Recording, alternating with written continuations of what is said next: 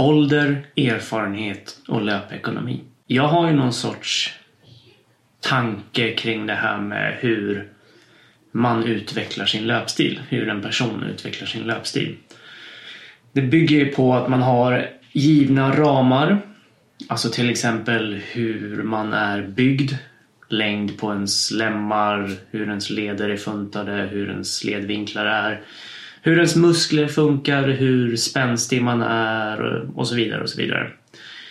Och någon form av självoptimering av ens löpstil som sker med tid allt eftersom man eh, blir mer erfaren som löpare. Den senare delen med självoptimering den bygger på ganska mycket forskning som eh, dels har tittat på det här direkt eh, den här hypotesen om att man blir bättre eller man slipar på sin löpstil med tiden. Eh, men också min läsning av ganska mycket annan forskning som man kan tolka på olika sätt men som jag liksom tolkar utifrån det här ramverket. Då. Och den här första delen då med ens givna ramar som man har, de kan ju dels då förändras över tid. Alltså allt eftersom man åldras till exempel eller eh, man får skador, man kommer över de skadorna men det kan också förändras med träning, alltså att man tränar på sin explosivitet till exempel, man tränar på sin styrka som jag pratat om i, i andra poddar. Men också att man tränar på sin allmänna fysiologi, alltså att om du får, om du förskjuter dina trösklar så att de hamnar på en högre nivå så gör det att du kan springa på ett annat sätt på en given sträcka, till exempel en maraton eller halvmaraton och då förändrar du din löpstil. Eh, på samma sätt som då till exempel styrketräning skulle kunna förändra din löpstil genom att du tillåter dig springa på ett mer studsigt eh, sätt som förhoppningsvis är mer effektivt. Då. Det kan också förändras beroende på vilket underlag du springer på, vilka skor du har, vad det är för temperatur ute, vilken sträcka du ska springa, hur snabbt du tänker springa och sådana här bitar. Så det är liksom det är ingenting som är fast i sten utan det är någonting som är ganska flytande och som, någonting som, man, som jag tänker man kan påverka med, med träning och sådär. Det som man också bör tänka på där, som jag alltid vill slänga in, är att när det gäller att förändra löpstil medvetet så kan det ju vara eh, någonting positivt, eh, absolut, det utesluter jag inte. Alltså dels är det ju så att att liksom försöka träna på att springa på ett annat sätt är ju liksom en träning i sig. Man utsätter kroppen för belastningar på ett annat sätt än vad den är van vid. Vilket skulle kunna ändra på ens ramar och tillåta en annan löpstil som förhoppningsvis är mer ekonomisk. Men sen är det också så att det möjligen finns vissa små justeringar som man kan göra som liksom omedelbart skulle förbättra ens eh, löpekonomi genom, genom en ändring av ens löpstil. Eh, det, det man alltid måste tänka på där som jag slänger in är att ganska mycket forskning visar på att det i alla fall på kort sikt kan vara sämre att hålla på och eh, mixtra med sin löpstil. Och att man därför måste vara ganska noga med att liksom faktiskt mäta det man gör för att se att det blir bättre och inte bara anta att det blir bättre utifrån någon form av mall för hur personen ska springa för någon sån har vi inte.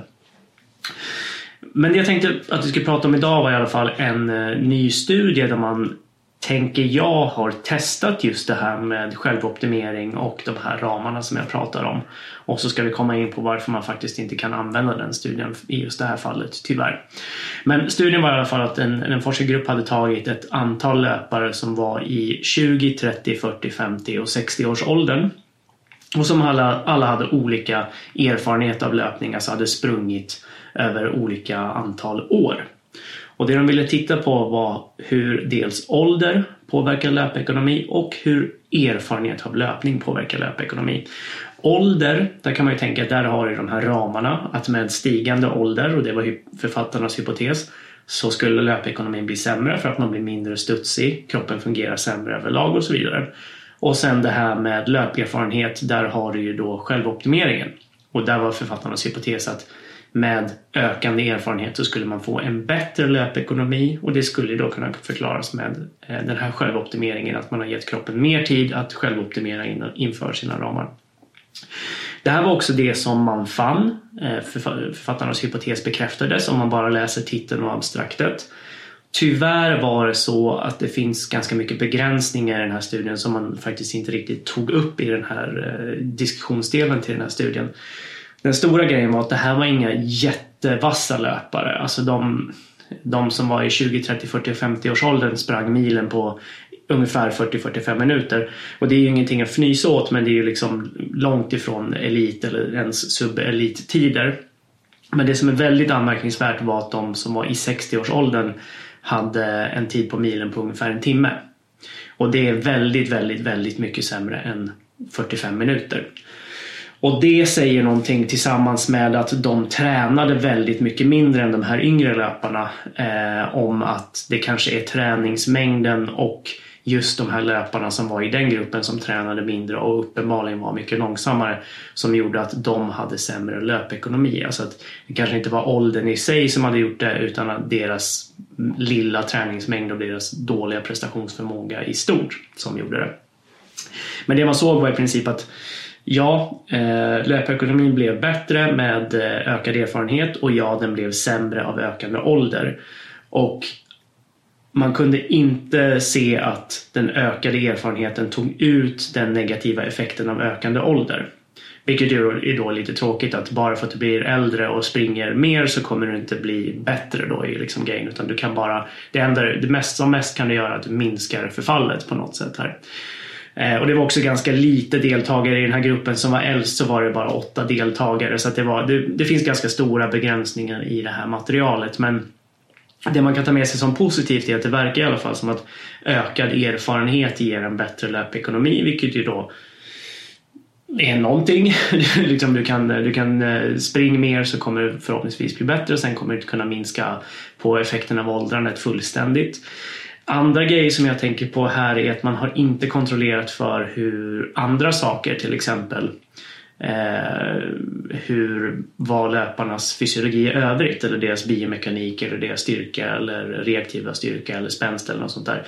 Det hade varit väldigt intressant för min tanke när jag ser det här att om nu ålder är då negativt för löpekonomi vilket finns en del data som pekar på sedan tidigare Finns det någonting man kan göra åt det förutom att då ha mer erfarenhet, springa mer?